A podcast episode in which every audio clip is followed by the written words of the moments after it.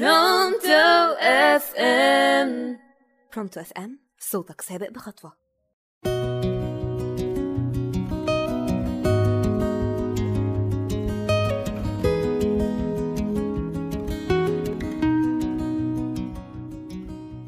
يقول البعض أنني أنا نفسي شبح وأنني سأكشف عن هذه الحقيقة يوما ما. في الحقيقة لست ميالا إلى هذه الفرضية الثورية. كل ما في الأمر أن من يعيش دهرا مع الرعب يصير غريب الأطوار إلى حد ما وربما مخيف كذلك. اليوم نجلس معا. نصغي لأصوات الأمطار في الشارع. ونرتجف. ونتساءل ماذا لو لم نكن هنا؟ ماذا لو كنا في العراء في البرد والظلام في أماكن لم يرها ولا يقدر أن يبلغها بشر؟ مين فينا ما يعرفش رفعت اسماعيل أو على الأقل قرا رواية من روايات ما وراء الطبيعة. أو حتى سمع عن أسطورة النداهة أو دراكولا. رفعت إسماعيل هو دكتور أمراض دم مصري متقاعد. النهارده مش هنتكلم عن رفعت إسماعيل. لا إحنا هنتكلم عن صاحبه مبتكره ومؤلفه العراب. العراب هو دكتور أحمد خالد توفيق. مساء الخير عليكم معاكم دي أنا دينا كمال في برنامجكم الشاحن فصل على راديو برونتو إف إم. هنتكلم النهاردة عن العراب أحمد خالد توفيق. مين هو العراب؟ العراب هو دكتور أحمد خالد توفيق اللي كلنا لحد دلوقتي بنعتبره عراب الشباب. دكتور خالد توفيق كان من مواليد طنطا اتولد في 10 يونيو 1962 اتخرج من كلية الطب جامعة طنطا في 1985 أخذ الدكتوراه في 1997 العراب كان مجتهد جدا في شغله لدرجة إنه بقى استشاري ورئيس قسم الأمراض الباطنية المتوطنة.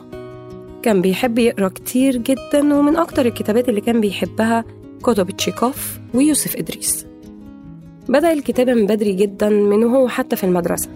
بس كتابته ما بدأتش تظهر غير في 1992 لما بدأ ينشر سلسلة ما وراء الطبيعة.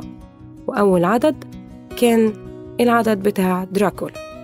ومن هنا بدأ انطلاق كتابات العراب الراحل أحمد خالد توفيق.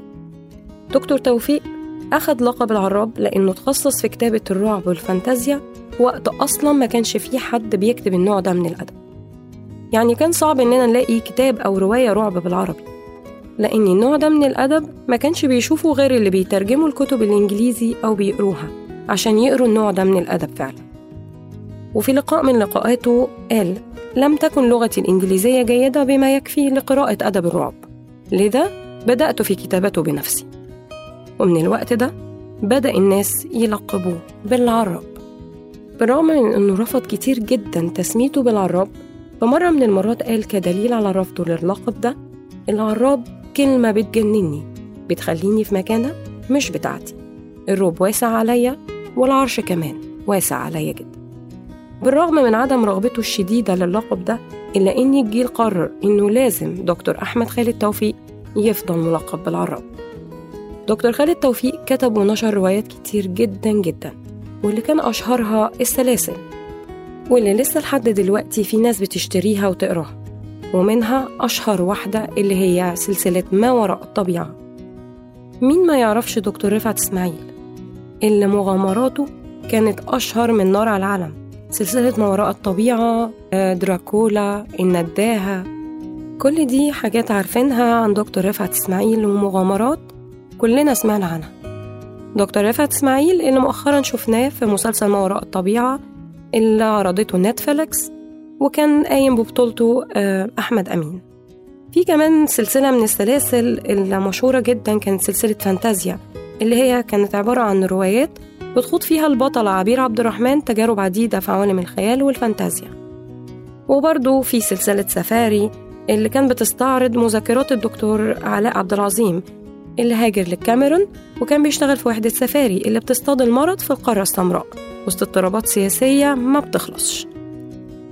بعد سلسلة سفاري كان في سلسلة روايات عالمية للجيب. بس أهم كتاباته واللي أخد شهرة كبيرة جدا كان الروايات الفردية واللي كان منها رواية يوتوبيا. ودي كانت أول رواية اجتماعية ليه.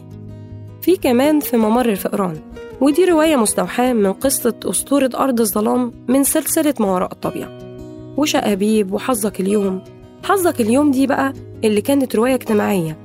بس برضه ما قدرش ما يضيفلهاش فانتازيا الرعب الشهيرة عند العراب في يوم 2 أبريل 2018 فقد العالم العربي الأب الروحي وعراب الشباب دكتور أحمد خالد توفيق وساب لنا ورث كتابات عظيم لا يقدر بثمن وهيفضل موجود للأبد وبتتوارثه الأجيال.